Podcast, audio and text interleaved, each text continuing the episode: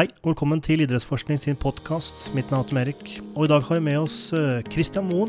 Christian han er både vitenskapelig assistent ved Senter for idrettsskadeforskning og dømmer i eh, Eliteserien for herrer i fotball.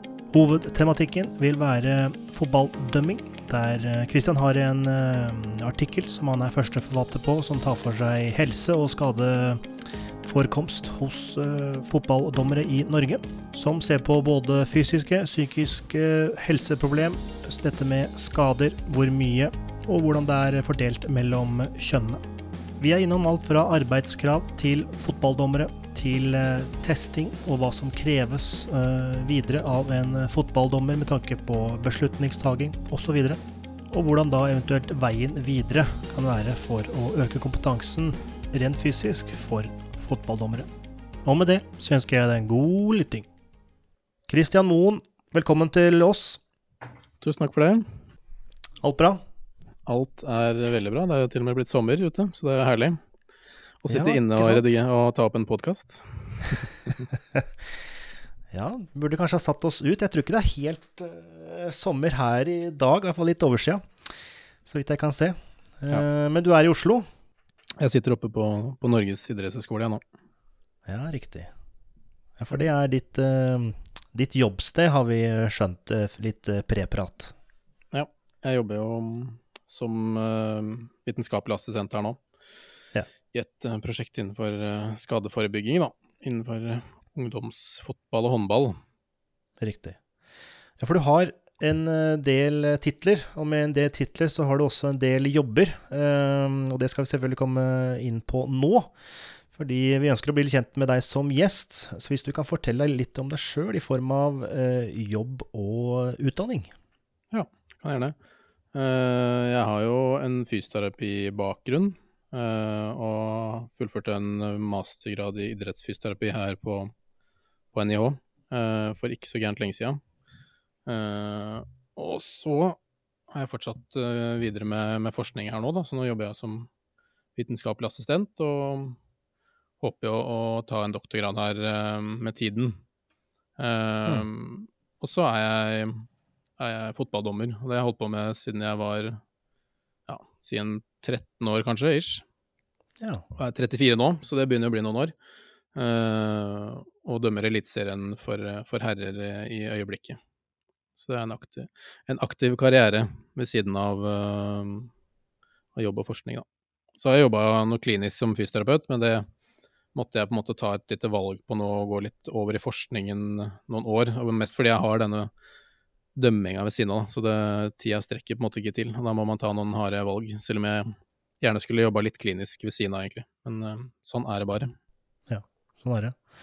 Matthew, Did you say Tretten? 13? You've been a referee since you was 13. Ja, så det, det er litt fælt. Ja, det tenkte jeg. Bloody hell. Det, det, begynner å bli Når jeg sier hvor lenge jeg har vært dommer, så syns jeg det tallet høres uh, absurd ut. Men, uh, men, sånn er det. Så jeg har liksom syntes det har vært gøy veldig lenge. Så det har jo vært min Akkurat som noen uh, satser som fotballspillere, så har jeg jo satsa som fotballdommer. Um, og som vi kanskje kommer inn på, så er det jo det kanskje Hvorfor det har vart så lenge, er jo fordi eh, erfaring er veldig sentralt for fotballdommere. Det er jo en, en egen verdi, nesten. Så da, da, tar det litt tid å komme oppover i systemet. Så So was you playing and refereeing at the same time? Ja, noen år. Eh, eller en del år i starten der, men eh, i en tid så på et eller annet tidspunkt så satser man jo såpass mye som fotballdommer og har Uh, I hvert fall når man er mer på breddenivå, så har man jo flere kamper i uka. Så der måtte jeg også gjøre et valg etter hvert. Mm. Uh, uh, yeah. Så det er litt synd, da. Det er jo en kritikk vi dommere gjerne får, at vi har spilt for lite fotball. Og det er jo en kritikk jeg er enig i. Men det spørs jo hvor mange timer man skal ha til å spille og være dommer. I hvert fall når man kommer til et visst nivå, da. Så, så må man stort sett gjøre, gjøre et valg.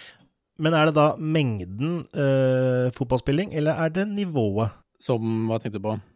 Nei, jeg tenkte på også, um, Det er en kritikk at uh, fotballdommer ikke har spilt nok fotball.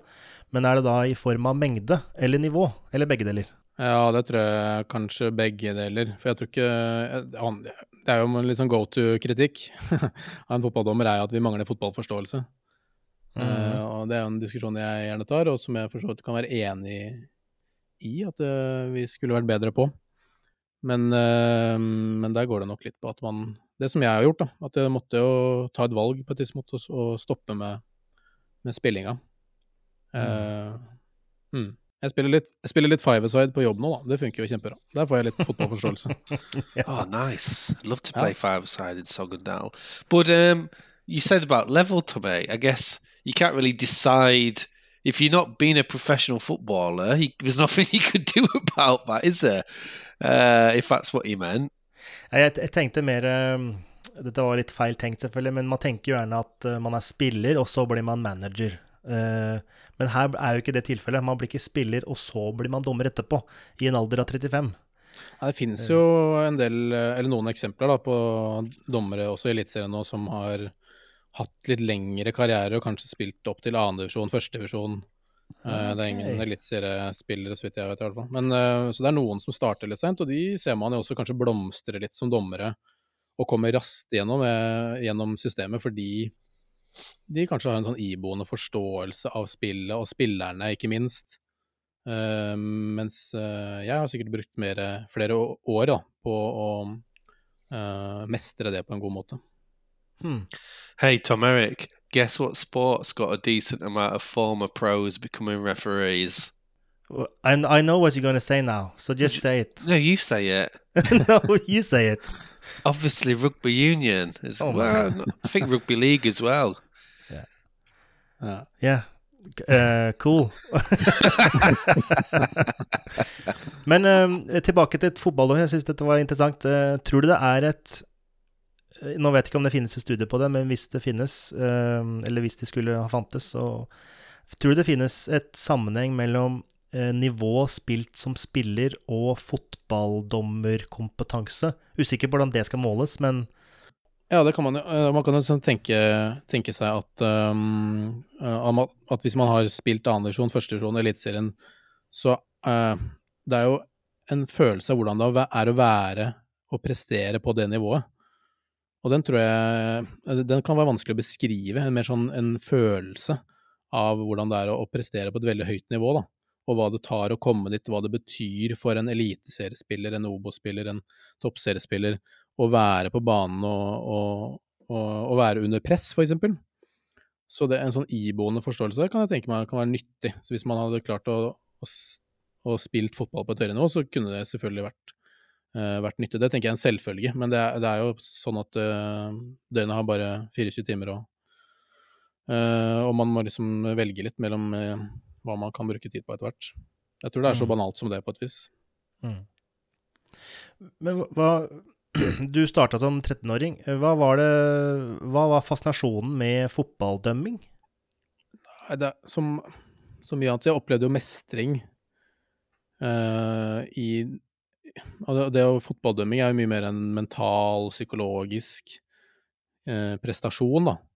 Eh, I tillegg til liksom kunnskap om regelverk og sånn, men det er jo på en måte hvordan du håndterer setting som kan være spennende.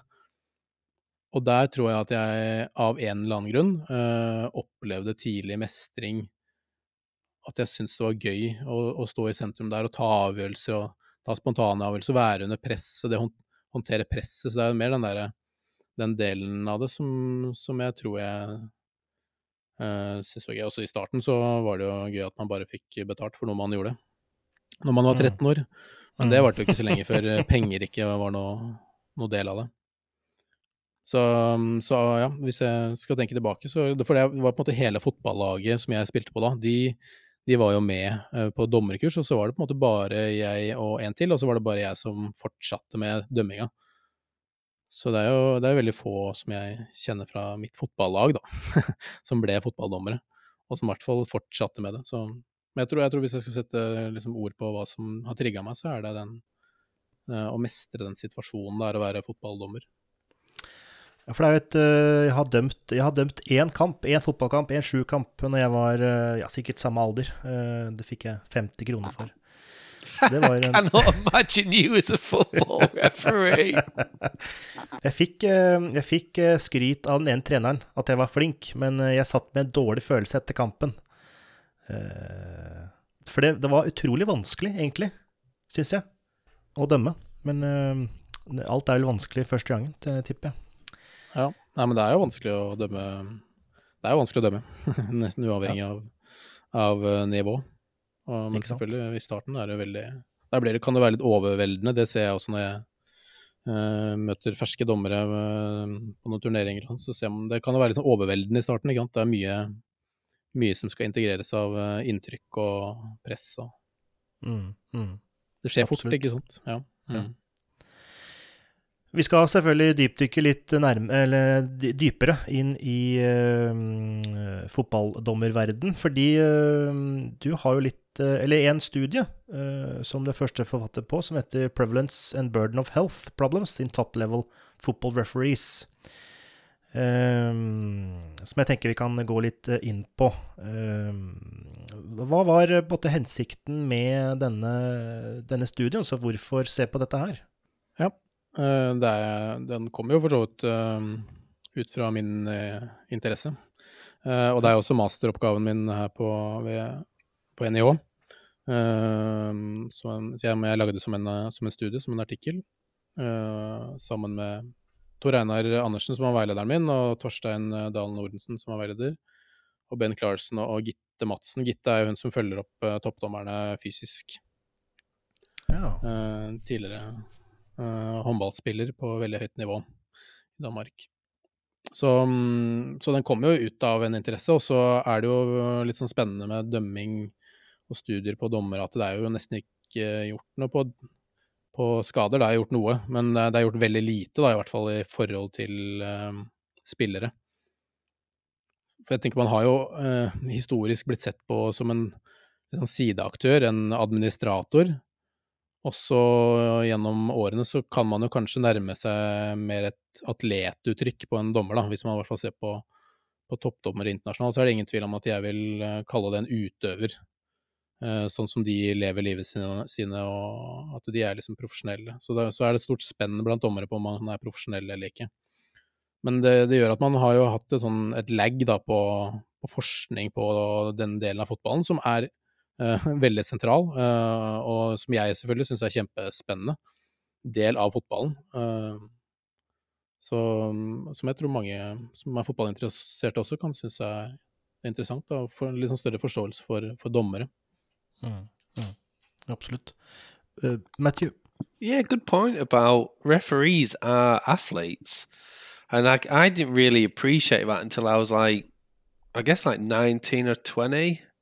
First time was when I had to do like a debate about VAR in like this 2009 as a bachelor student, and I had to do a lot of reading about fitness uh, and and relationship between endurance and cognitive function, that kind of stuff. And I was like, whoa, this is a really hard task. It's like imagine jogging at a relatively high speed and trying to do a Rubik's cube at the same time. and um, then when I was doing my masters, I supported. You'll probably have heard of a referee called Howard Webb. Mm-hmm. Um, got involved with some of his testing. We were prepping him because he's from the local area to the university, prepping him for South Africa for the World Cup in 2010. He was doing some altitude stuff and some um, heat chamber uh, treadmill work and he came with a guy who was like in charge of just physical development or physical training for all the Premier League referees.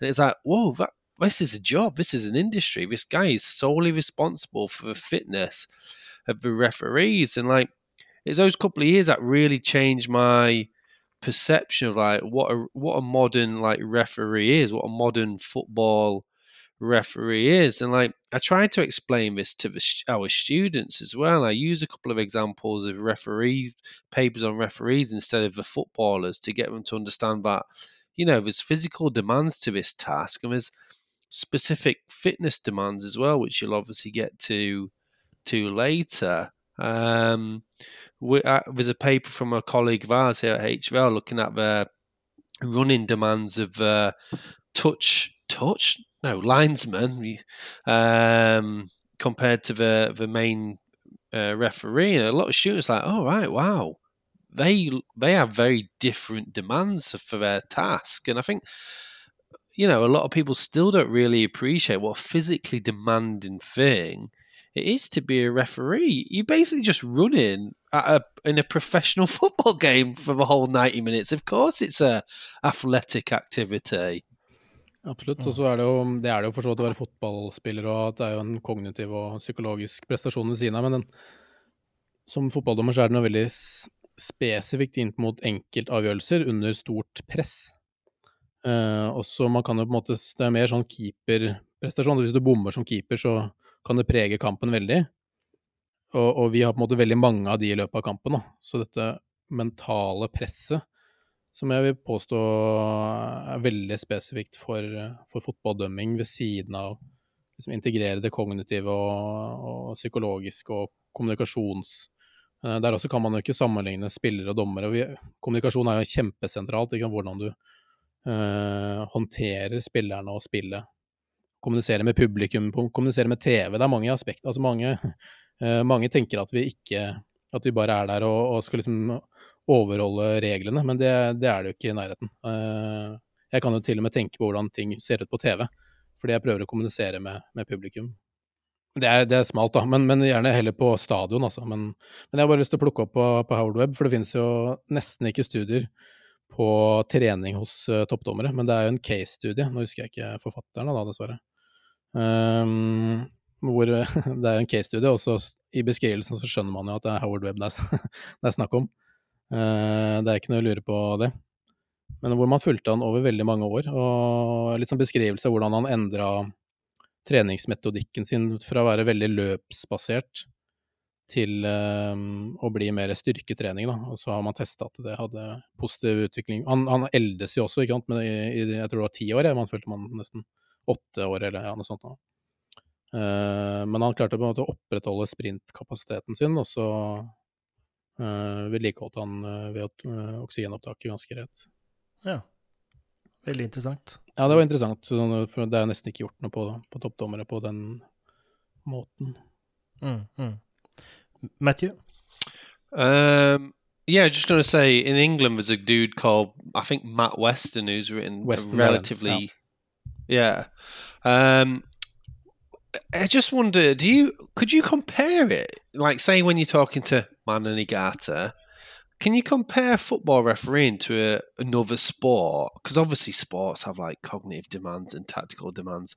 I can't think of a sport though that has the same decision making aspects like refereeing. The only thing I can really think of is maybe like orienteering, where you're reading a map whilst running at are quite a high speed. But do you do you ever say to anybody what what it's like in terms of as a physical task? What sports you could compare it to? Nei, fysisk så det er, Nei, det syns jeg er veldig vanskelig å finne en gyldig sammenheng. For det, det også var jo sånn når vi skal skrive en artikkel på dommerhelse, og så skal man liksom sammenligne med spillere, men det gir jo ikke noe mening, egentlig, for det er jo veldig ulike krav, og så kan man jo si at det er mer sånn løpsorientert, da, selvfølgelig, men det er jo mer retningsforandring, så det er ikke eh, å sprint eh, blanda med litt sånn jevnt driv. Så mm, nei, jeg er litt usikker på hva det skulle passe å sammenligne med. Du kan ta en rein løper også, blir ikke helt uh, meningsfullt, for det er jo mye mer sprintbasert. Mm. Uh, det er jo mye veldig rolig, også med gjentatte, repeterte sprinter, da, så det man sier at man kan sammenligne det med en midtbanespiller uh, i fotball. Det, det, er jo en sånn saying som man, man, gjerne har, fordi man har disse Man må dekke mye område, og så står man veldig sjelden til ro. Um, og så er det repeterte sprinter, da, som man, som man ser. Men jeg, jeg, fra min side så syns jeg det er eh, det som gjør, som en utøver, da, det som gjør fotballdømmia unik, er jo det å håndtere eh, situasjonen og presset og alt det rundt, i kombinasjon med å være eh, såpass fysisk aktiv da, som det er å, å sprinte og ta raske avgjørelser. Det, selge inn, det, er så, det er så veldig komplekst samtidig, ikke sant. Som um, ja, emosjonskontroll, ikke sant, som er kjempesentralt. Det å håndtere sine egne følelser og merke seg andre sine og liksom reagere adekvat. Ikke sant? Det er utrolig mange elementer ved fotballdømming som gjør det uh, unikt, da. I think a lot of it is also unique to the the popularity of the sport in terms of almost like the socio political pressure as well. Like any country, referees are so heavily scrutinized in that in that one specific sport compared to almost everything else. Uh, okay, excluding America maybe, but um, do you think it's the hardest sport in the world to referee? Jeg tror i hvert fall eh, det er, det er jo den med veldig mye oppmerksomhet. Så jeg bare tenker, jeg kan ta Hvis jeg skal ta Det finnes jo uh, mange som har veldig mange større kamper enn det jeg har, uh, altså med flere tilskuere og mer press. Spesielt blant norske dommere, så er det jo Svein Oddvar Moen som har dømt masse Champions League og EM og Men hvis jeg skal ta et fra egen karriere, så kan jeg jo Jeg hadde jo en opprykkskamp mellom uh, Viking og Kongsvinger. Viking rykka jo ned, og har gjort det veldig bra i etterkant. når de rykka opp igjen og fikk en sånn boost Eh, når Bjarne Berntsen fikk dem opp i Eliteserien igjen etter dette. Men ja, den opprykkskampen, det var siste serierunde for noen år siden, og da var det fullsatt Vikingstadion, 16 500 eller sånn er det der. Og så godt ut i annen omgang så var det sånn at Viking ikke hadde rykka opp med det resultatet som var. Så hvis man skal sette seg inn i dommerperspektivet der, så det var et rødkort i kampen, det var straffevurderinger, Eh, det var en sånn sammenstimling som jeg måtte håndtere, med masse spillere som begynte å, å krangle. Mye press liksom, mot meg og, og, mine avgjørelser hele tiden. Så det må man på en måte eie og stå i. Men så er det også dette med dynamikken rundt det som du sier, liksom det litt politiske. For der her, Viking har en veldig lang og stolt historie, og de har nå venta en hel sesong på å rykke opp.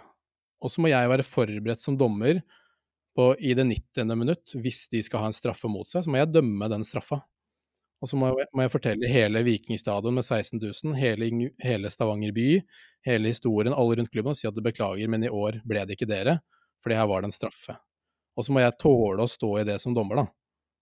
Og jeg må være forberedt på det i forkant, og jeg må klare å, å ta de rettferdige avgjørelsene. Liksom. Selv om man har eh, Kongsvinger er en mye mindre klubb, og de har vært i Obos-ligaen lenge, ikke sant? så da kan man liksom tenke seg at det hadde hatt mindre å si. Og sånne sånne ting må man jo bare overkomme som dommer. Uh, og man kan jo ikke la det påvirke seg, for da blir det unfair, men, men man må jo helt klart liksom man, Den konteksten som en fotballkamp utspiller seg, uh, den er jo der uansett. Den kan ikke late som om vi går rundt som en sånn nøytrale uh, dyr i utgangspunktet og bare mennesker Nøytrale mennesker i utgangspunktet og, og ikke må jobbe med påvirkning. Matthew? what does your body feel like after a game like that? What's it feel like when you go back into the changing room and stuff?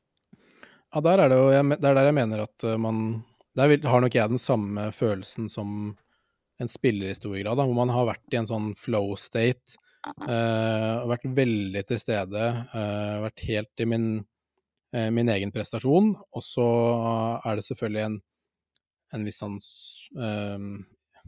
ja, vet, Nå har jeg dømt såpass mange år at jeg, ikke, jeg får liksom ikke angst, men jeg, jeg har jo et press på meg. Og så er jo, det er jo alltid en usikkerhet på om det går bra eller ikke. Jeg er også dømt nok til at jeg vet at innimellom så går det bare gærent, at man bommer på store avgjørelser. Uh, så når jeg gikk av banen i den kampen mellom Viking og Kongsvinger, eksempel, var jeg veldig fornøyd. Og da får jeg det samme rush og måte kicket sånn i etterkant og uh, når jeg kommer inn i garderoben, da. I was thinking more like I would just feel exhausted, like just completely empty, hmm. physically and mentally in a situation like that. But like Tom Eric did with his first and only refereeing situation, I just feel like all that all that pressure whilst actually trying to perform physical activity, I'd just be helt tomt, I think. Ja, og det kan jo være. Men, det, men det, Der er det litt det samme som uh, en positiv og negativ uh, opplevelse. Kan liksom styre hvordan du føler deg etterkant. For jeg kan jo føle meg mer tom Eller jeg føler meg mer tom hvis jeg har gjort en dårlig kamp. Uh, og så blir det opp, ofte da det blir litt oppstyr i etterkant med litt mediefokus, og du må svare ut mediene og, og sånn. Så det, da kan man føle seg litt mer tom og oppgitt og skuffa og alt det som, som følger med en dårlig prestasjon. Men, men, hvis man har gjort en bra en, så så står man jo på en måte litt greier i den rett etterpå. Mm. Det, det, er ganske likt med spillere der, tenker jeg. Mm. I think it'd be more tiring. I think I'm just speculating here based on what I think I would experience. I feel like if I, and maybe this should be a study, I feel like if I played a game of football for 90 minutes yeah, in a relatively high pressure environment, but and ref, but refereed the if we could replicate everything exactly the same, but then be the referee, I feel like it'd just be completely different, like feeling of exhaustion after. I'd love to mm. imagine being able to do that, getting football player. I guess you'd maybe do it with like virtual reality or something, trying to like replicate the exact same like physiological demands, but with the decision making aspect. That'd be really cool, wouldn't it? Men Uh, når man da har fått vite litt om uh, det er uh, fysisk og det å være dommer, de regnes som atleter. De løper Nå sa du ikke hvor langt de løp, men kanskje det er en 10-12 km i løpet av kamp. Det er mye retningsforandringer, spurter. Man er i bevegelse hele tida, som en midtbane. Og man har dette presset på seg med tanke på beslutningstaking, store avgjørelser, straffer, røde kort osv. Så, videre. så må jo dette potensielt gå, over, eh, eller gå utover helsa. Eh, og det var vel noe dere, det, dere så på i denne studien her. Så eh, jeg vet ikke om vi skal hoppe til resultatet, eller om du vil ta litt om metodikken først? Uh, vi kan jo ta, uh, kan ta litt om resultatet, egentlig. Det jo Det er jo gjort noen studier før. Det er gjort én doktorgrad her på NIH, faktisk, på, på dommere, hvor Mario Bissini Um, gjorde sin doktorgrad på dommere, og da fulgte han dem gjennom mesterskap, da, eh, VM. Eh, både kvinnelige og mannlige toppdommere. Så det, men det er veldig få studier som har fulgt dommere over uh, et år med den metoden som vi hadde, hvor vi brukte dette OSTRC, Oslo Sports Drama Research Center Questionnaire on Health Problems. skjema som er blitt veldig populært for å Eh, registrere helseproblemer i ulike kontekster. Eh, og det vi fant, eh, var jo Kan jo nevne det, at vi var for så vidt en covid-sesong. Så det var en litt sånn konsentrert sesong. Men nei, det er jo at én av tre rapporterte et helseproblem i, i snitt hver uke. og én av fem rapporterte det man kan kalle et betydelig eller alvorlig helseproblem, da.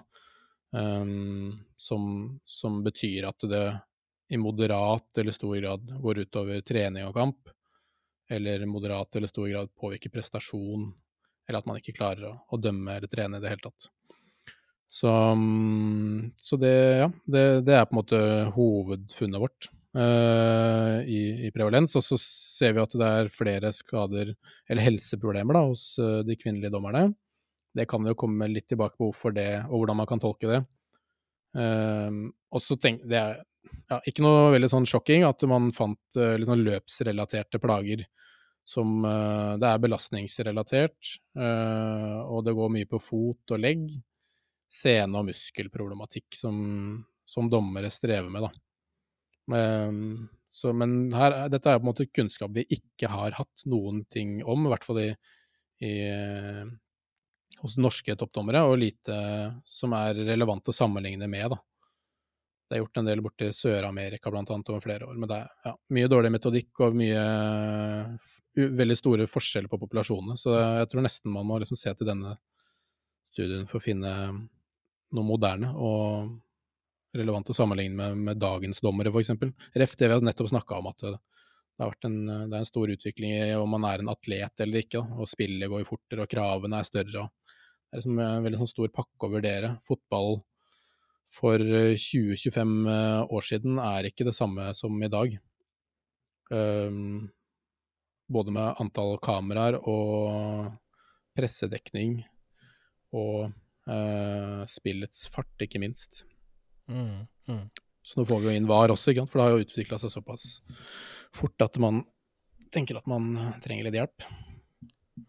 Men har dette endret, eller mest sannsynlig har det endret, men uh, hvordan har det endret praksisen til det å være fotballdommer, i form av uh, arbeidskrav man har som fotballdommer som man kanskje må være godkjent i, eller man har en uh, annen uh, un Ikke undervisningsmetode eller teknikk, men uh, man underviser kanskje mer på dette med takle press, det å Hvis vi snakker litt om det fysiske, så jeg tenker det, Sånn når jeg snakker med Tom Henning Øvrebø, for eksempel, da, som de fleste har, har hørt om, som dømte altså hadde en stor karriere internasjonalt. og når jeg snakka med han om hvordan det var når han starta internasjonalt, så var det veldig lite fokus på det fysiske i det hele tatt. De hadde litt fellestreninger, og så var det ikke noe eh, spesielt fokus på, på, hvordan man verken så ut eller løp eh, sånn treningsmessig. Men så begynte man eh, gradvis, og Werner Helsen, som er fysisk trener i Uefa, har jo vært der i mange år nå, og har liksom profesjonalisert det i ganske stor grad. Og nå har man jo gått over til å begynne med fettmålinger og fettklipper og, og jojo-testing som et sånn tillegg til en sånn minimumstest som vi har. Uh, og man rapporterer treningen sin inn til Uefa, f.eks. hvis man er internasjonal dommer. da.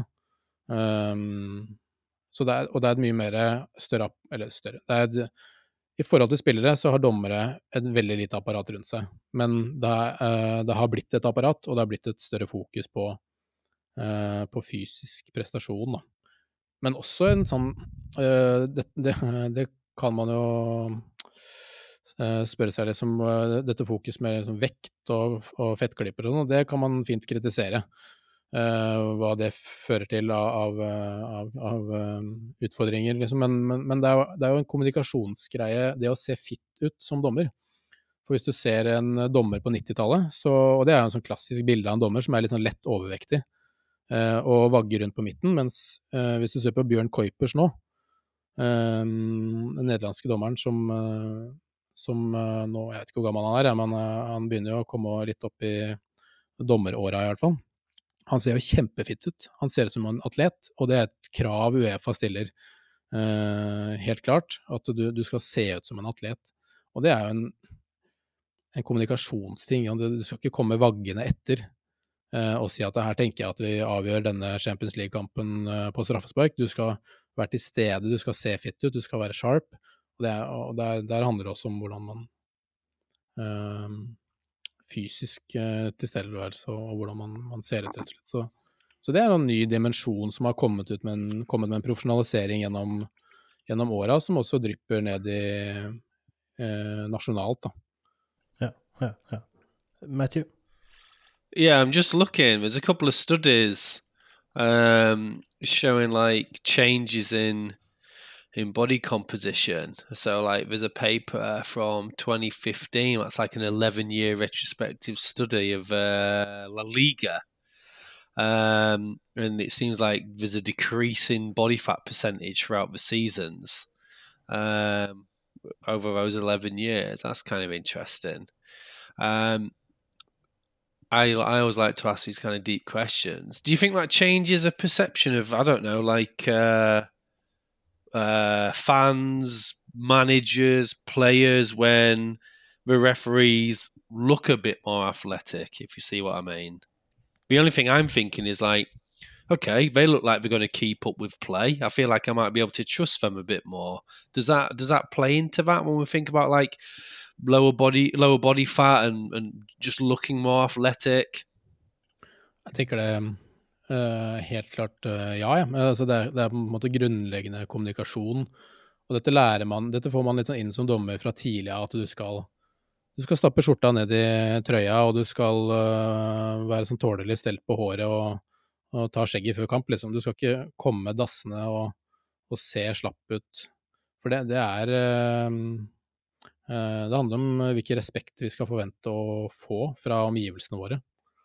Eh, og da må vi på en måte sette en viss sånn standard sjøl og se, se, godt ut. Se, se nyklipt og frisert ut, og, og, være våken og sharp til kamp, sånn at folk oppfatter at vi er interesserte og engasjerte. og det er en, jeg tror det er en troverdighet da, som, som, følger med noen sånne banale ting. Og så skal man ikke jeg, jeg tror uh, Fotball-Norge og fotballverden er først og fremst opptatt av å få riktige avgjørelser, og så gode, så gode avgjørelser som mulig.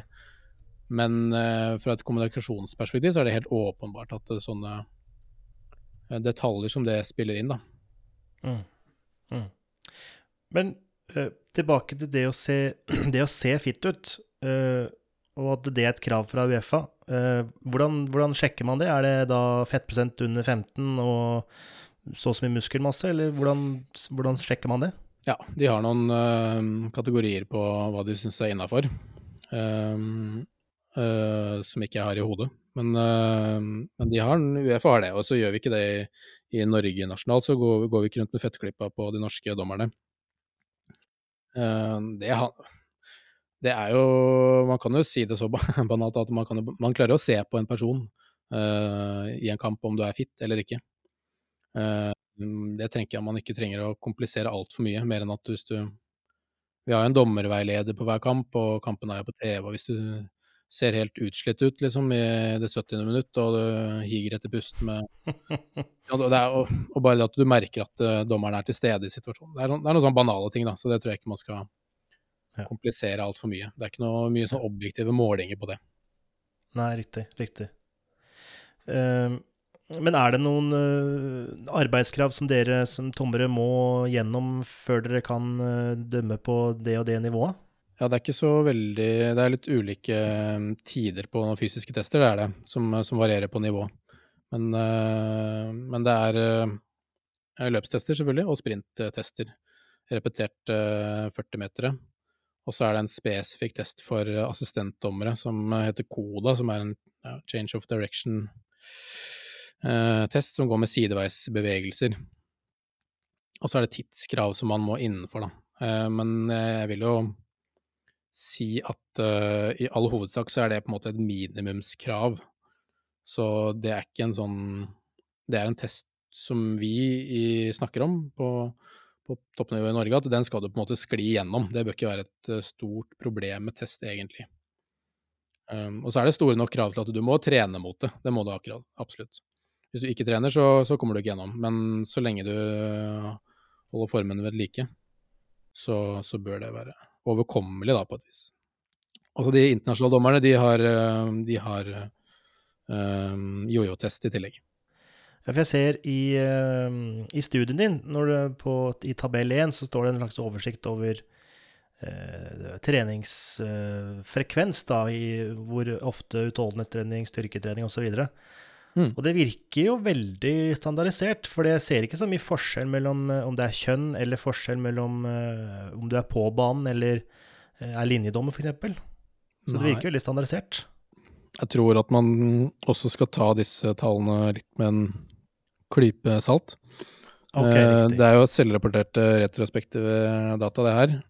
Og ja. hva folk legger i styrketrening og utholdenhetstrening. Uh, og ikke minst, det er jo en kategori der på injury prevention. Hva, det, hva, folk legger i det, vet vi heller ikke. Så dette blir på en måte en Hva, hva er det for noe, ikke sant, for den enkelte? Um, men så det man kan se, er jo at det, i hvert fall det gjøres mer utholdenhetstrening enn styrketrening, f.eks. Uh, og man kan få et sånn cirkatall på antall timer i uka. Uh, men innholdet i treninga, det diskuterer jo jeg i, i diskusjonen da, på, i denne studien, på liksom, hvordan skal man forebygge skader som for dommere. Og det går jo blant annet på at hvis man skal gå videre fra denne studien, så handler jo det kanskje om å kartlegge litt sånn innholdet i trening og, og, hvordan man trener, for der er det et, um, et kunnskapsskap, da. Som vi var inne på i stad, denne studien til Howard Webb, hvor man på en måte kartlegger en dommers treningshverdag. Det, har jo gått, det har jo gått fra å være veldig eh, fire ganger fire eh, løp og løp og løpsorientert, til eh, at vi i større grad fokusere på styrketrening og, og ikke minst sprinttrening. Altså vi har fått uh, spesifisitetsprinsippet litt mer inn i, i dommertreninga. Um, også et siste element, hvis man skal snakke om prestasjon, hva er en dommerprestasjon? Den er jo ikke å løpe 40 meter eller 80 meter på en viss tid. Den handler jo om å ta en avgjørelse. Så det også gjør jo vi nå blant annet på La Manga, hvor vi løper, sprinter, blir utslitte, og så skal man gå til en skjerm og ta en avgjørelse på en, en, et klipp som kommer på skjermen, for å trekke inn spesifisitetsprinsippet enda mer i treningen. Da. For vår prestasjon er jo tross alt uh, å ta avgjørelser, ikke å løpe. Mm. Det er bare et element av det. Men, men øh, Og det jo, øh, høres veldig bra ut i forhold til Men da, da får du jo kun den fysiske dimensjonen at du er sliten, og så skal du ta en avgjørelse. Men du får ikke den psykiske øh, det presset i den testen der, høres det ut som. Nei, det er ikke det er bare en treningsøvelse, det er ikke en test. Ok, riktig. Det er bare en, en treningsøvelse for å få inn avgjørelser i treninga, rett og slett, når du er sliten. Ah, riktig. Som en måte å, å trene på, men det er ikke en, en testsituasjon. Får da, eller um, trener dere noe på avgjørelser under press? Annet enn uh, annet enn kamp? Nei, det er jo veldig, det er jo veldig kampspesifikt, da. Mm. Um, så det, det tror jeg er vanskelig, og man kan jo Nei, hvilken arena man skulle funnet uh, hvor man opplever det samme presset, eller den samme um, intensiteten. Sånn, fotballmessig så kan man jo få den på en fotballtrening, selvfølgelig. Men, uh, og det er det jo mange uh, fotballtrenere som sier at dere bør komme på treningene våre og dømme, på en måte. Men uh, der er jeg personlig ambivalent. Både fordi det har blitt gjort, og det er med veldig blanda erfaringer eh, av hvordan man blir tatt imot eh, da. Eh, og ikke minst at det blir litt sånn kunstig, da. Eh, gjerne. Og de har sine mål med treningen, og de stopper opp, og man Det er jo på en måte en trener som skal styre treninga, og så kan man selvfølgelig være med på en sp- spillsekvens som blir sånn tålelig spesifikt, men ja. Jeg, jeg tror Sjøl så opplever jeg at det, det må liksom dømmes kamper for å få det helt spesifikt. Ja, fordi jeg veit at øhm, Jeg vet ikke om det har blitt gjennomført, men dette med straffer øh, ved NIH, ved øhm, Geir Jorde øh, De lagde jo denne svære Denne svære skjermen, som du kanskje kjenner til. Som skulle på en måte replikere eh, det å ta straffe eh, med lyd og bilde og ja, gjenskape en situasjon, da. Eh, så man kunne kanskje tenkt noe lignende, ja, kanskje i VR for dommere, eller Det Ja. blir selvfølgelig umulig å gjenskape det identisk, men Ja, men Kanskje noe lignende, All altså. trening er jo på en måte en, en trening av noe. Det er, ikke noe, eh, det er jo ikke kampsituasjon for, trenere, nei, for spillere eller når de er på, på trening, så, men hvis man klarer å få det så nært som mulig Så jeg har også tenkt at uh, VR for eksempel kunne vært spennende uh, i dommersammenheng, da. uh, hvor man kan igjen få inn dette lydelementet og, og liksom tilstedeværelse på en bane og Så ja, det er mange muligheter der som ikke er utforska. Og det er, det, det er en spennende diskusjon av hvordan får man uh, Løfter man dommere i treningssammenheng? mm, mm. Men eh, de resultatene du fant, uh, var det noen overraskelser? Eller var alt litt sånn Ja, dette var vel det vi forventa? Eh, en del var av det vi forventa, men så det var jo eh, uvisst blant annet at det var en viss eh, kjønnsforskjell. Um, Det var interessant. Og så, hvis vi skal tolke de resultatene, så, så er det også en del færre kvinnelige dommere som er med i studien. Eller som i det hele tatt er på, på toppnivå i forhold til antall menn. Så, så det gjør at de eh, helseproblemene som de rapporterte, kom, og slo litt eh, høyere ut i en prevalens. Um, og så jeg tror man må tolke det med en viss forsiktighet, da. Det hadde vært interessant å ha en mye større kvinnelig dommergruppe, eh, og sett om det jevna seg litt mer ut uh, da. Uh, og det var jo også noen ja, det var noen som var lengre skada og hadde større skader og sånn, og det, det slår veldig ut, da. På den eh, gjennomsnittlige prevalensen der. Um, ja, men det var vel kanskje det mest sånn. Eh, så var det jo interessant å se hva, hva slags Vi hadde jo Gitte satt jo noen diagnoser og sånn, og se hva slags type plager er det de har. Uh, det, det, det, at det var noen overraskelse, men vi visste jo på en måte ikke helt, så det, det, meste var jo på et vis nytt. Og så var det interessant å se om det var lite eller mye helseproblemer, mange helseproblemer som blei rapportert, og det, det er jo en del, det må jeg si. Mm. Ja, det er det. 34% da, i gjennomsnitt eh, hver eneste uke. Ja. Eh, og med tanke på at eh, det har blitt et større fokus på styrketrening, eh, er det da eh, Grunnen til det, er det fordi man skal forebygge skader og få denne prosenten ned, eller antall skader ned? Eh, er det fordi man Spillet er mer hurtig, og man krever mer retningsforandring, som igjen krever mer styrke? Eh, Og trener man nok styrke, og vil mer styrke redusere de tallene dere fant, f.eks.? Ja, jeg tror i hvert fall når jeg har snakka om styrketrening i, i dommersammenheng, jeg har holdt noen faglige innlegg i lys av å være fysioterapeut, for dommergruppa, da har vi stort sett egentlig fokusert på prestasjon da, og sprintprestasjonsevne. Eh, men at det skadeforebyggende kommer litt sånn i tillegg tåleevnen eh, til å tåle antall sprinter og kamper og, eh, og det der. Så, så, det har vært mer sånn retta mot prestasjon, egentlig. Og at man har plukka opp det i større grad, tror jeg. Og det er også det som motiverer de, de fleste. Å liksom få fram kunnskapen i hva en grunnstyrkemotor gjør med sprintprestasjon, er, um, tror jeg har vært litt sånn givende.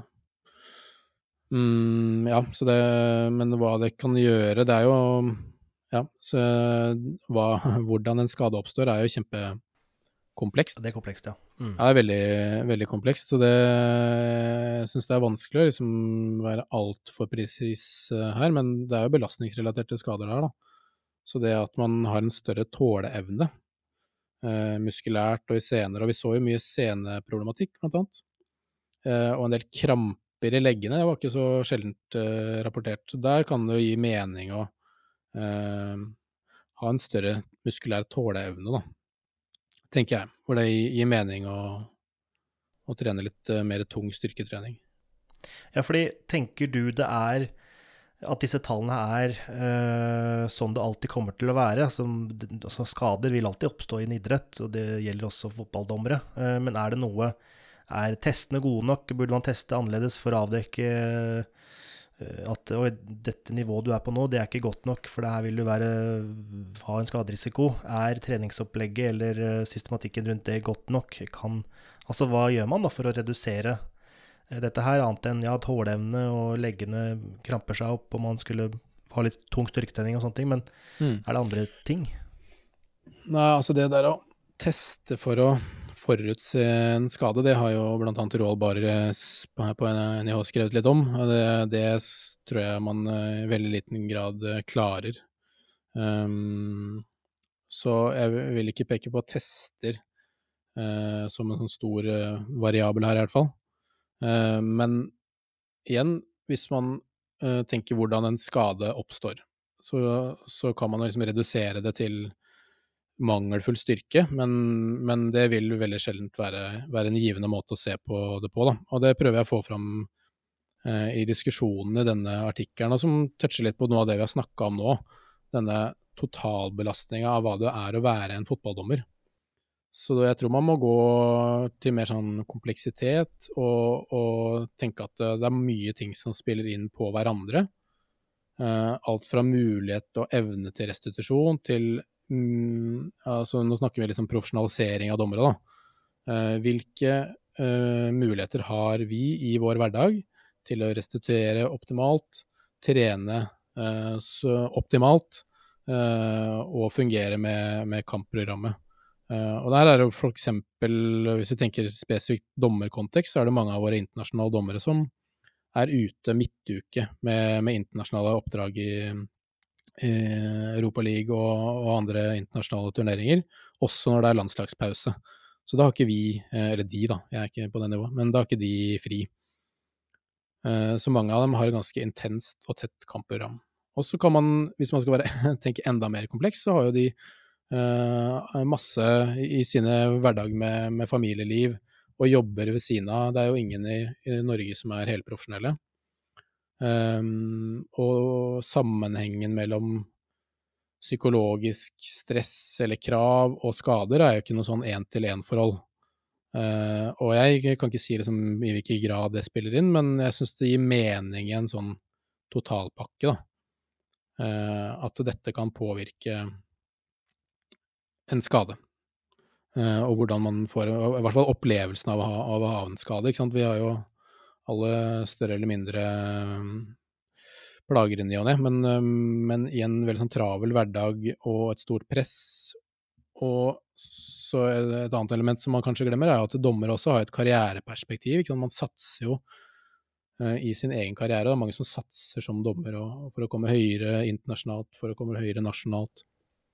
Så det er jo en, um, en karrieregreie her altså, som har masse å si hvordan man opplever det å bli skada, og det å ha en skade eller ikke ha en skade.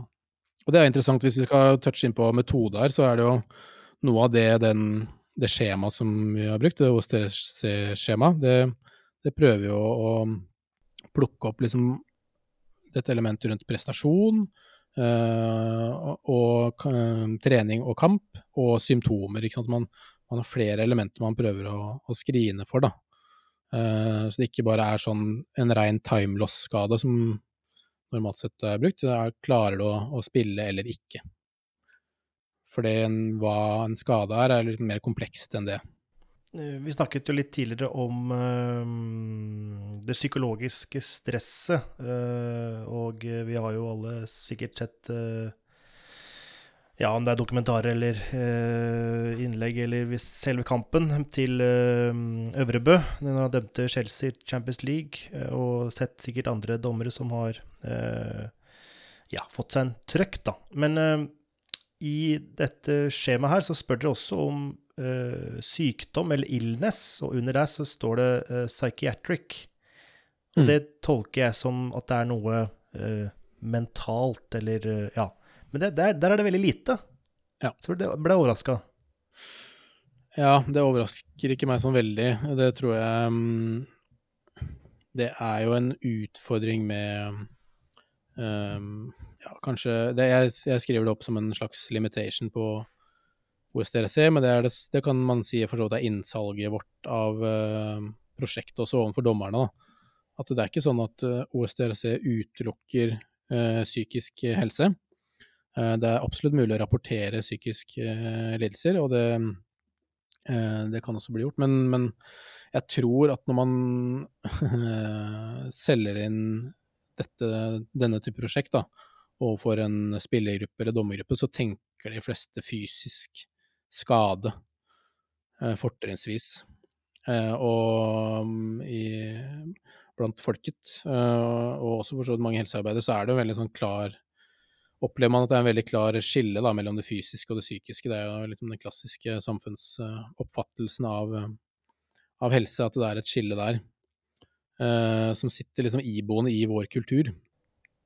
Så det tror jeg um, mye handler om. Jeg tror man, man, må velge en, kanskje en annen metode hvis man skal spesifikt se på psykisk helse. Det er for, det er for øvrig gjort på dommere, da. Der var jeg med i den studien i form av okay. å være dommer. Er, um, veldig langt, vanskelig førsteforfatternavn, men jeg husker, men noe nederlandsk eh, eh, navn som, eh, som, har skrevet om eh, psykisk helse hos dommere. Ja, og husker du noe hva den fant ut, rent kort? Ja, det var jo at det var en, en Å, jeg husker ikke prevalensen i huet, da.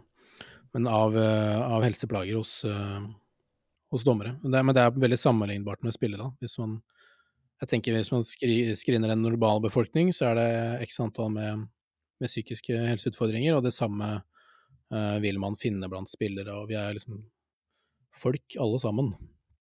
Uh, og, og strever med våre hverdagsliv og våre utfordringer og, uh, og våre bakgrunner, alle mann. Så det, det, tror jeg screener i veldig stor grad. det, Og så er det dette med å screene en prestasjonsgruppe, da, hvor kanskje det presset kan som man er under i et prestasjonsmiljø, i en prestasjonsgruppe, i en karriere, som kan pushe, liksom an, pushe en del deler av psykisk helse, da.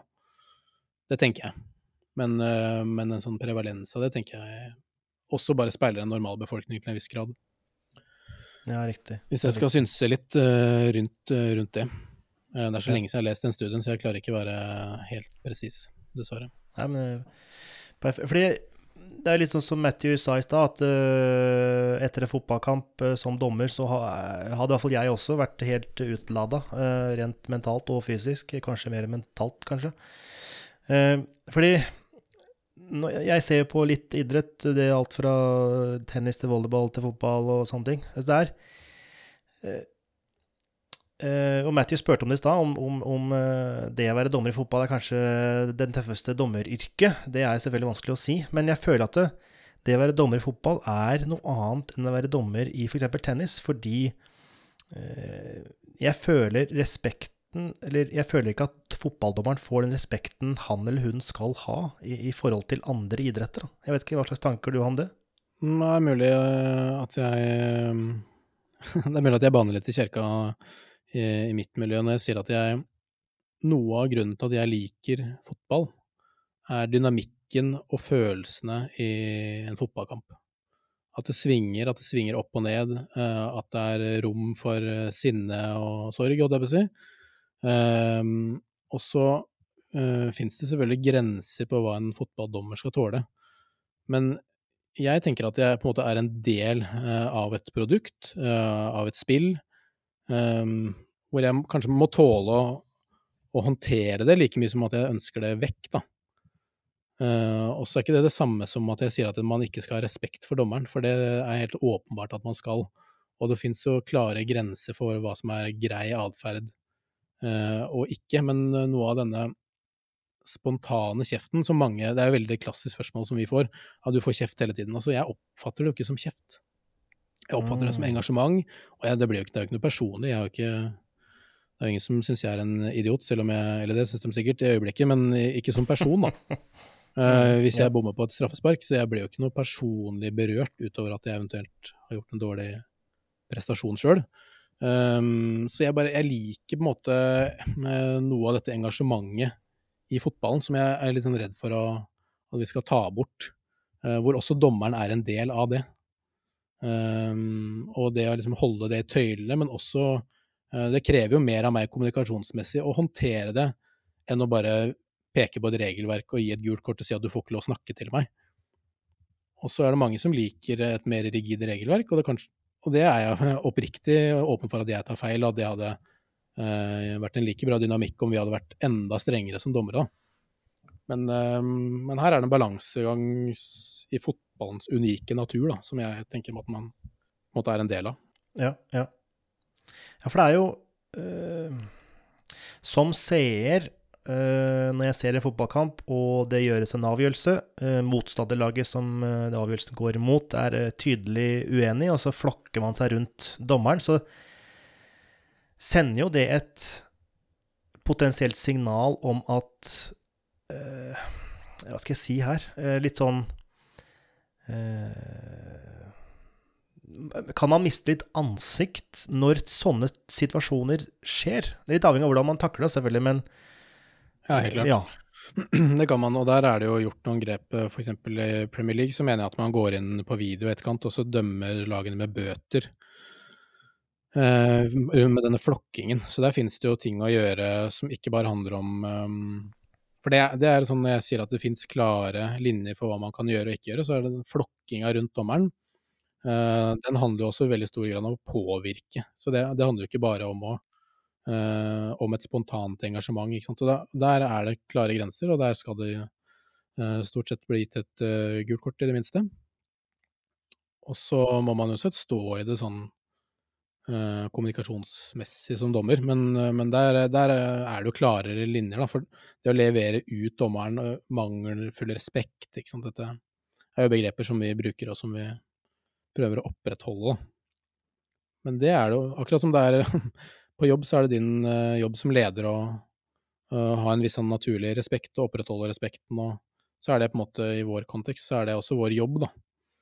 Så det å håndtere følelsesspekteret til spillerne underveis er en del av, eh, av den lederjobben eh, det er å være fotballdommer. Sette grenser. Ja, veldig, veldig interessant. Jeg hadde ikke For det, det, jeg føler at alle eh, Nesten uansett hva slags avgjørelse du tar, så vil det være elleve mann eh, eller elleve kvinner som er uenige med deg. Kanskje mer menn, eh, nesten, hvis jeg har sett på toppserien versus eliteserien. Det, det føles ut som menn er mer uenige enn kvinner, jeg vet ikke. Nei, det vet jeg ikke. Jeg tror det er mye engasjement hos eh, damene også, ja. Ja, ja. Jeg tror det. Men um, ja. Nei, det er riktig. Det vil stort sett uh, Men sånn, det er liksom spillets natur, da, som gir det en viss dynamikk også. Det er ikke, det er ikke golf, det er fotball. Mm, mm. Ja, sant det. Det er veldig sant. Uh, uh, Nå sklir, vi sklir unna helse. jeg syns også det er veldig spennende å snakke om fotballdommere. Ja, jeg synes. Det er jo en, og det er relevant eh, hvis vi skal snakke om liksom, hvordan forebygge skader. Så, så, og dette liksom komplekse bildet av hvordan en skade oppstår. Så, mm. så går det jo eh, i stor grad på å liksom ha eh, rammer til å håndtere den hverdagen da, som det er å være en, en toppdommer. Nå får jeg jo virkelig ta en eh, for de som sitter og hører på. Men jeg har jo en eh, åpenbar conflict of interest, som eh, også blir nevnt i studien for øvrig. Um, ved å sitte og snakke om rammene til fotballdommerne. Uh, så det må jeg bare flagge kjempehøyt. Um, jeg prøver å være ryddig på det.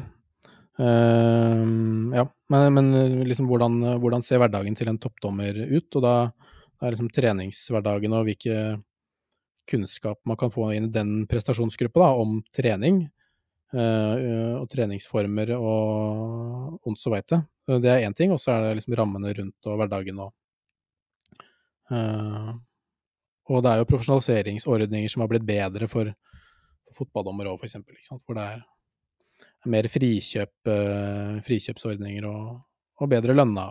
Det, det er liksom veier å gå som har blitt godt, og som fortsatt gås for å gi dommerne bedre rammer til å prestere i en moderne fotballverden.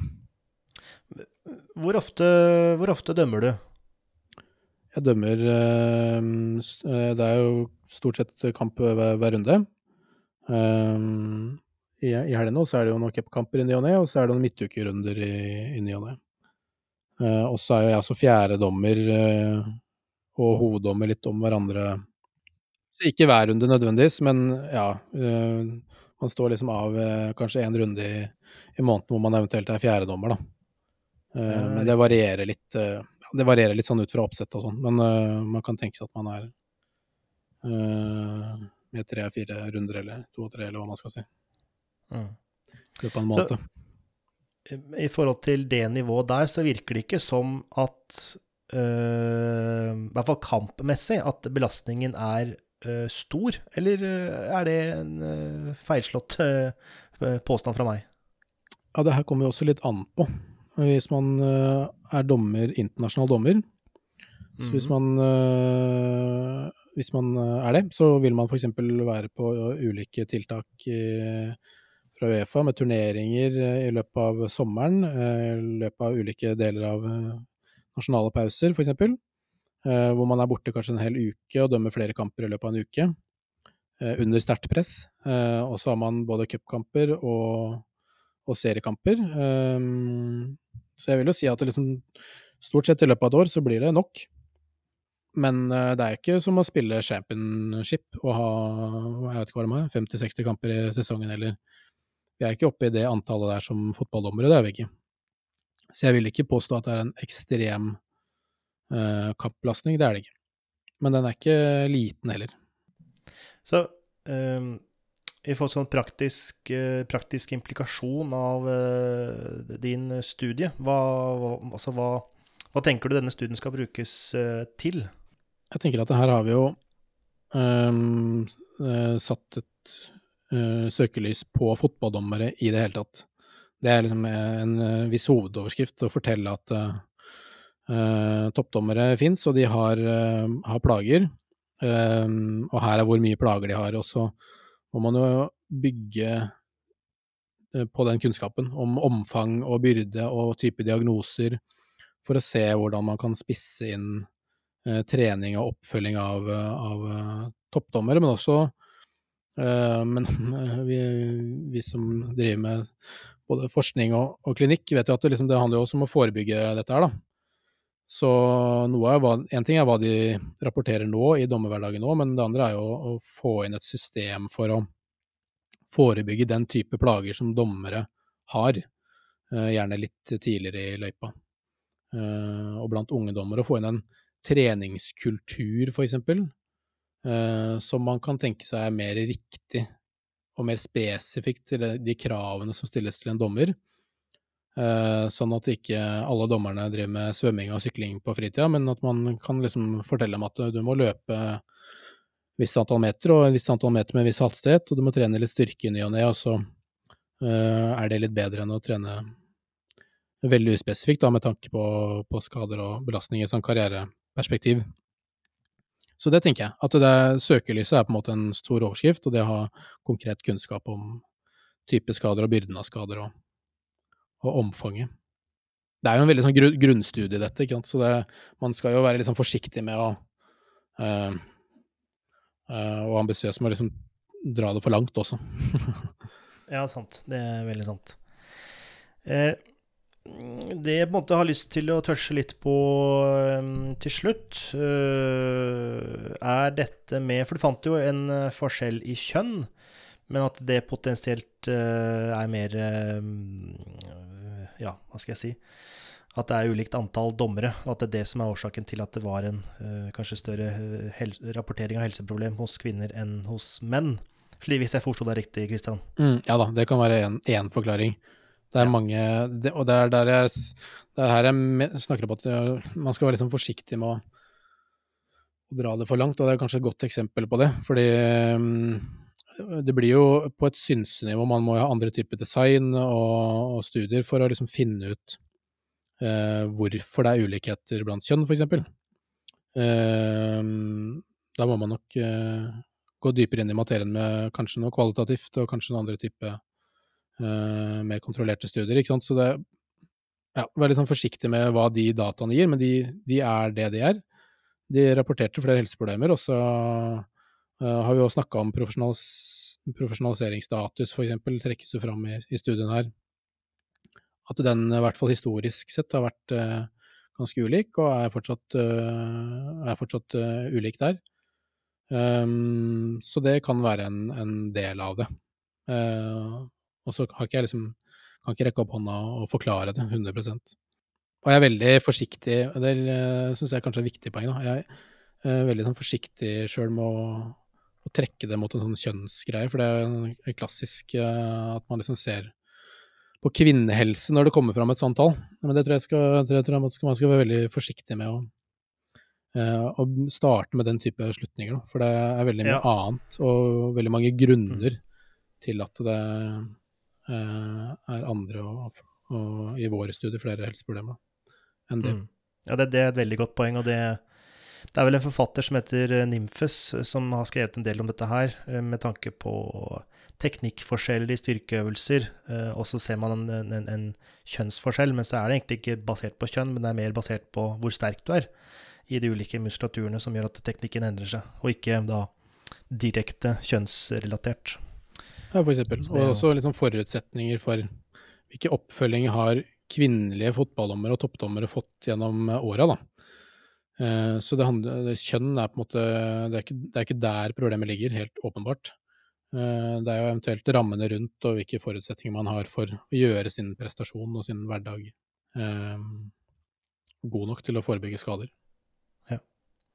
Men når det kommer til kvinnelige dommere, så Nå vet jeg for så vidt ingenting om kvinnelige dommere og hvor mange de er og, den slags, men for meg så ser det ut til at menn dømmer menn og kvinner dømmer kvinner. Er det slik, og i så fall hvorfor?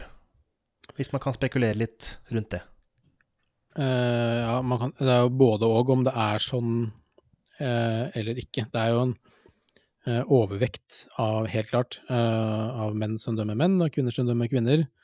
Men eh, det er jo veldig spennende utvikling i kvinnefotballen. Både med, med Hvis man ser ned disse nye kampene, eller disse kampene i Spania nå, som fyller stadioner med 70 000 og, og, mer eventuelt. Og også i Norge, nå hadde vi jo vel rekord i helga med 11 000 eller sånn på, på Lerkendal eh, Rosenborg mot Brann. Eh, og der ser man også på kvinnedommersida så eh, er det en mye større grad av profesjonalisering, og det finnes jo kvinnelige dommere som dømmer eh, Bundesliga. Jeg lurer på om det også er i Frankrike, det er jeg ganske sikker på, egentlig. Eh, og så ser man også de får jo eh, anerkjennelse fra Uefa og blir, blir oppnevnt i, i, kamper med store rammer og, og gjerne disse hva det heter, supercupfinalene um, internasjonalt, for eksempel, da. Um, hvor det er en del press rundt, rundt kampen. Så det, det, er ikke noe grunn uh, i seg selv til at uh, menn skal dømme menn og kvinner skal dømme kvinner. Og vi så jo også nå i Norge, så kom jo uh, to kvinnelige dommere opp med Henrikke og Emilie opp i, i Obos-ligaen nå. Og det er ingenting som står i deres vei for å dømme Eliteserien, som, som handler om kjønn. Men, men det som kan ha stått i veien tidligere, er jo mer en kultur og en norm. Som eh, man heldigvis er i verdt å, og god til å snu. Da. Jeg vil jo forstått si at Norge er eh, foregangsland der.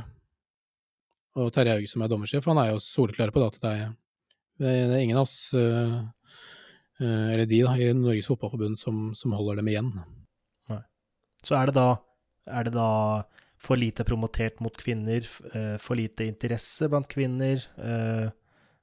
Ja, hva mente, du med for lite for å Nei, i forhold til å øke antallet mm, kvinnelige dommere. Eh, for jeg antar at det er flere mannlige dommere enn kvinnelige dommere.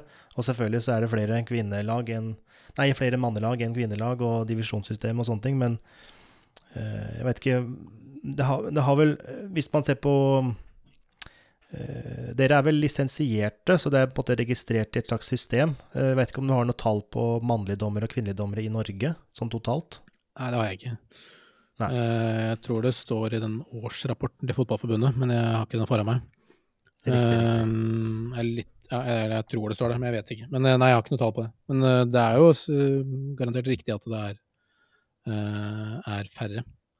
Um, og det er jo en lengre in innsats som handler om alt fra liksom, rekruttering på, på, klubbnivå til å ikke minst ivareta uh, kvinnelige Skape ja, Man kan jo si det sånn da, at det er jo ikke Når det er få kvinnelige dommere, uh, si f.eks. på breddenivå, så er det også kanskje en, uh, et mindre samhold og en mindre setting hvor man møter likesinnede, hvis man skal skille på kjønn der.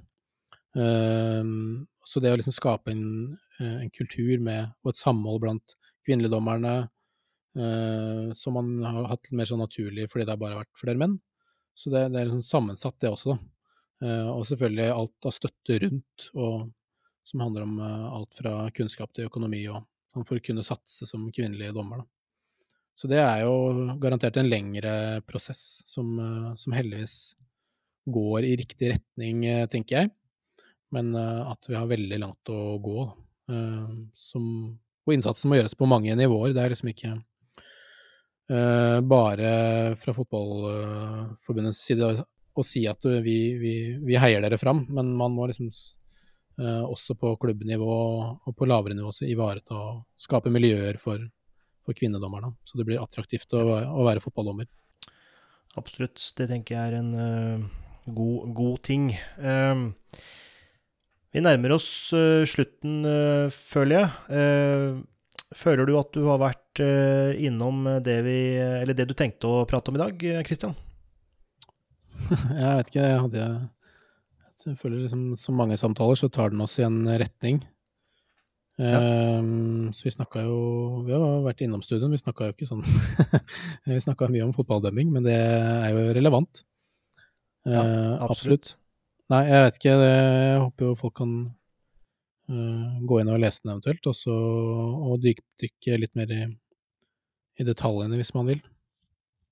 Og bare ta kontakt hvis det er noe man, man lurer på. Så det er jo, det er jo et spennende ja, Det er jo liksom Hvis man tenker videre uh, dommerstudier, så er det jo helt klart et kunnskapshull. Og jeg tenker jo masse spennende man kunne gjort kvalitativt og, og kvantitativt også.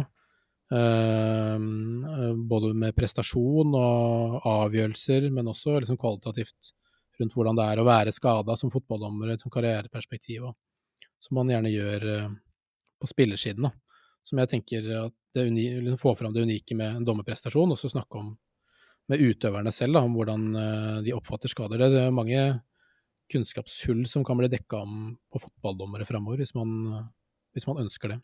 Mm, mm. Eh, og er det noe du skal gjøre med din potensielle doktorgrad, som du nevnte litt i starten?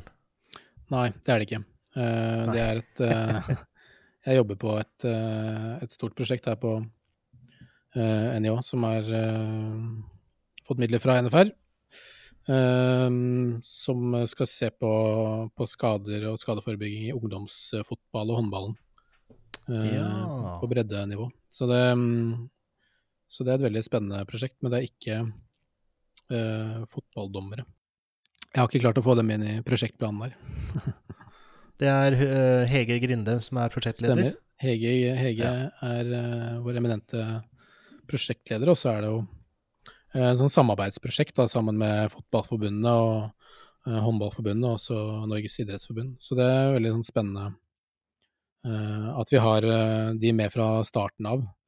Det er ikke noe vi lemper over på forbundet, men de er liksom med i, i hele løypa her. Ja, det høres veldig spennende ut, og ja, det er Men er For jeg ser du er medarbeider, men eh, har du Så skal dette her starte, eller har det starta kanskje, eller Ja da, vi er i gang. Jeg jobber eh, Ja. som vidt på, på det prosjektet nå, så Mm. Og så mm, skal det gå nå over de neste eh, årene, eh, hvor man skal, skal utvikle et, eh, et skade, trenerstyrt eh, skadeforebyggende program, og så skal det testes og, og evalueres, da. Så Ja. da håper jeg jo på å være med på den, eh, den løypa der. Ja, kult. Da må vi jo få deg tilbake for å høre litt resultater, tenker jeg. Det er alltid spennende, i hvert fall. Vi har vel hatt litt om skader tidligere, men det har stort sett vært på senior eller voksne. Mm. Så- Ja, det også er jo en spennende del av dette prosjektet, hvor man Man går jo Det er ofte en sånn go-to å gå til eh, liksom topp eller satsende ungdom, for eksempel, da. Eh, men Mm. her skal vi treffe litt mer bredt, så det syns jeg er spennende. Mm. Ja, absolutt. Det er litt mer sånn folkehelseperspektiv i det også. Matthew, you're back. Yeah. C- can you hear me? Yeah. yeah. Sorry. Um, I've been back a while actually, but um, I'm just wondering if there's like a like an interdisciplinary research group in Norway for uh, referees. I'm look. There's one in England, but I think it's more of a like sociology thing. It's called Referee and Match Official Research Network. Hmm. Um, but I think it's more about. I'm looking at the papers. It looks more about abuse um, and, and policy rather than physiology. Let's have a quick look. Yeah. Yeah. But there's definitely scope for that in Norway, isn't there? When you think about the expertise that this country has got, like a multi-center, multi-institution uh, research group. Ja, det har vi. Altså, vi har ikke det knytta mot dommere, men eh, rammene ligger jo veldig fint til rette for det her på idrettshøyskolen, for så vidt. eh, Med både med alle, alle de ulike disiplinene som er på huset her. Så, men det er jo ikke én spesifikt for dommere, det er det ikke. Men jeg, jeg mener jo også at det, uh, som veldig ofte, at det vil være kjempeinteressant å se på dette fra, fra et interdisiplinært eh, ståsted. Da.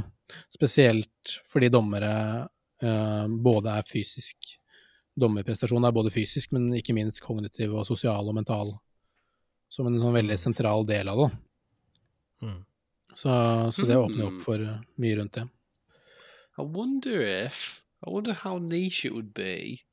We've not had an Idrettsforskning webinar for a while. I wonder if like you could do like a referee science webinar. Just Yeah, from thinking. different sports, maybe? Yeah, I don't know. Like Yeah. Christian, you're the, you're the ref. Do you think there'd be a behove? There'd be an interest for that? Refereeing webinar, ja, jeg er med, jeg. oh, I've got in. keynote speaker. jeg melder meg. Ja, Ja da, nei, jeg tror, eh, jeg tror um, eh, Det har vært veldig fint samarbeid eh, det her da med Fotballforbundet. og så jeg- De har vært veldig positive til å delta og den kunnskapen som kommer ut av, eh, av det prosjektet her. Og det um, eh, Jeg tenker jo at det er rom for, for det, absolutt.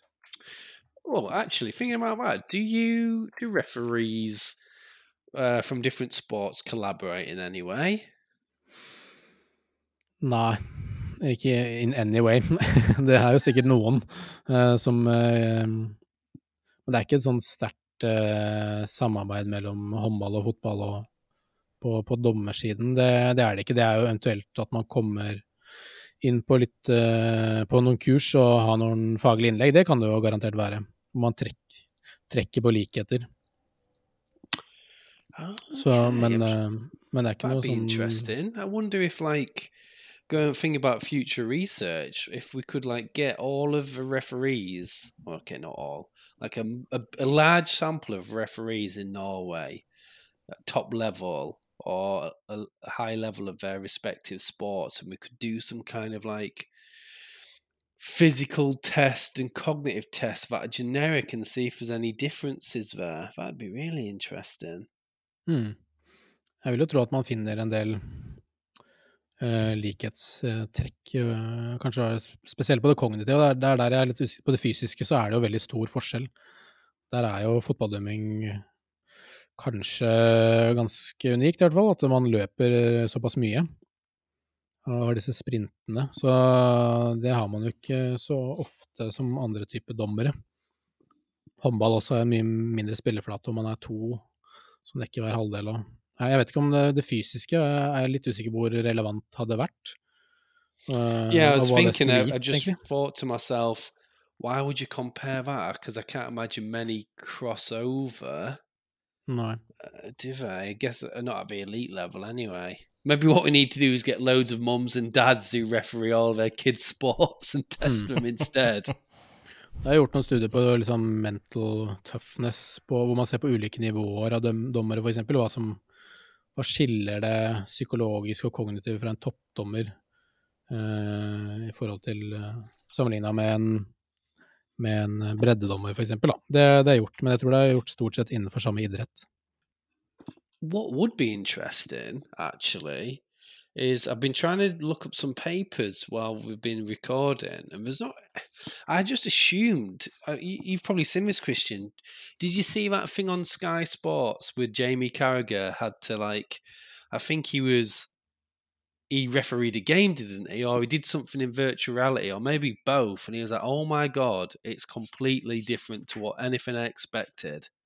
Hmm. and just how difficult it is. Um, and I've just realized there's basically no literature on like this idea of like lived experience or like um... Nei, for eksempel. Det er veldig Det syns jeg har vært eh, Eller det syns jeg er spennende å også, få fram i et miljø, da, eh, hvor um, Et fotballmiljø, en sånn forståelse av hva det hvordan det oppleves å være dommer. Man kan jo sitte både på benk og tribune og liksom se en dommer bomme på en åpenbar avgjørelse, f.eks.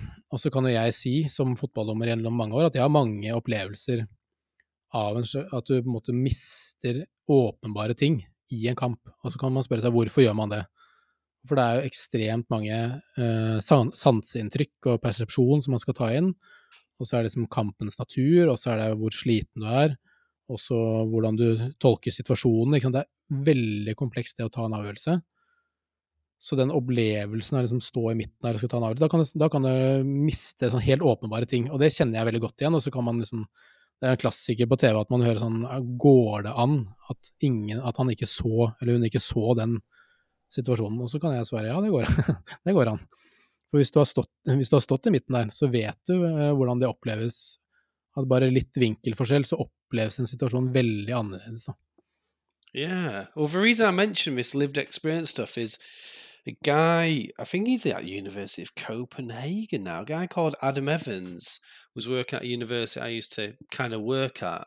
Don't want to get into what that means, but they did this interesting paper where they got a load of uh, what do you call it, ungdom school kids who were not wheelchair users to do like um, several weeks of wheelchair basketball. And they were saying how like before they started like the project, the kids almost assumed wheelchair sport was like inferior in a way, like not not real, which is obviously sad to him. And during the project, I was like, oh my god, this is really difficult. This is a really difficult task to do to play with to control a wheelchair whilst playing the team sport highly physically demanding um and it obviously it changed their perception i'd love to just get like a load of parents particularly parents we do like a like because you can obviously get like football specific treadmill tests, and we get them to do like a a quiz at the same time or a maths test. Just just and then interview them after. What is it like trying to make decisions whilst you're tired? Now you start thinking about what it's like when you're criticizing these referees who are either voluntary or when you, like you said, you're in the tribune and you, you, oh, why that referee see that? Oh, do you mean when you saw it on your TV for the third time in slow motion, or the referees running at high speeds? Mm. I'm, I'm surprised there isn't more stuff out there. We could do that with like fans, like parents, player. Players might be difficult, but I'm I'm absolutely astonished that there's not much out there on like this crossover between what players think referees are doing and going through. Guess it's difficult to access that sample. I don't know. Man bare passer på å ikke gjøre for gode studier, så man slutter å kjefte. For da blir det jo ikke noe dynamikk igjen i spillet. ja, fordi ja. Du, du, ønsker den kjeftinga fra sida? Nei, nei, nei, nei, nei, jeg. Jeg, jeg, tuller. jeg, tuller litt. Jeg bare, jeg bare prøver å, å angripe kjefteproblematikken fra et litt annet standpunkt. Eh, at ikke det, for det, er, det enkleste er på en måte å si at uh, vi må ha alt vekk. Og nå snakker jeg om på toppnivå. Da, på bredde så må man uh, Det er en annen diskusjon. Uh, og der ønsker jeg meg at man virkelig viser respekt og, og oppfører seg overfor de unge dommerne. Det må være sagt tydelig og klart. Men nå snakker vi om eliteserie- og toppseriedommer, og der tenker jeg kanskje det har litt rom da med dette engasjementet. I just think there's loads of potential in Norway for doing referee stuff. And like, if we've got, I know we've got master's students listening to this, for example, and bachelor students as well, but I think it's a proper untapped market of like, like you said, like hidden athletes that we should, we should work. I think I'm going to try and encourage more of this. This conversation, this discussion has really made me think about how little we think about the demands and the tasks of the referees in any sport, and yet the the sport doesn't exist without offici- officials. Why do we ignore them? For example, like in idrettsfordypning Emner, or when we're doing like trainings, Lara, we just as if like they're just a static part of the game. Like I think about the football Emner. I might be wrong, but I don't feel like there's much content over here in Sogndal about the referees. I might, I might be wrong there. There might be a little bit, but I feel like there's not a huge amount. Jeg tror, tror at utforska evne, det, det, er virkelig to streker under den. Så det, det, tenker jeg Her er det masse spennende man kan gjøre, så jeg håper jo at eh, flere liksom tar tak i, i den delen her. Mm. Mm. Yes, kick it, let's kick it off, the referee mm. science group. I mean Bra. Bra. Eh, da tenker jeg vi har eh, snakka fra oss, eller det har vi ikke, men eh, jeg tenker tida, tida er der, med tanke på at denne episoden skal være én og ikke to deler. Sånn rent til slutt, hvis folk vil følge din virksomhet videre, og med denne spennende doktorgraden du snakka litt om, og din, din karriere som fotballdommer videre, hvor er du å finne på den sosiale, digitale eteren? Jeg er på Twitter, da. Uh, det er jeg. Uh, yes! Men jeg er ikke, ja, men jeg er ikke sånn kjempeaktiv, jeg er mer følgende. Nei, jeg lager jo en podkast uh, sjøl, så den, hvis man har lyst til å følge den, så er det kjempefint. som heter, Fysio, heter Fysioformidlingen. Det er ikke det sprekeste navnet, men det var så veldig få som satt i den kreative arbeidsgruppa, så da blei det Fysioformidlingen. ja. Eh, som jeg tar opp ulike temaer som jeg interesserer meg for, og noe av det er jo idrettsrelatert eller relevant. Eller forskningsrelevant. Um, så det, det, oppfordrer jeg til. Ellers er det Twitter og, og ResearchGate og uh, det vanlige der. Ja. Så har du nettside som også tar for seg denne podkasten, som vi selvfølgelig kommer til å legge ut også. Ja, det hadde vært veldig fint. Ja. Så du har en episode nå sist med ja. Gunnar Breivik. Ja, den er, fin. Den er jo idrettsrelevant. Ja. Mm. Han var veldig fin å prate med. Uh, han er jo kjent, kanskje ikke for de aller yngste, da, men uh, vi som har kanskje har gått uh, ferdig i studier, litt sånne ting, så har i hvert fall hørt om han. Mm. Mm. Nei, men bra. Da vil jeg takke for en god prat, Christian.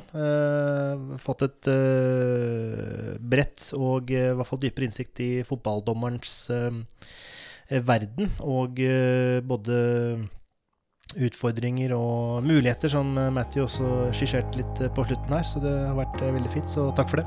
Takk det samme. Det har vært veldig fint å få fram eh, fotballdommere.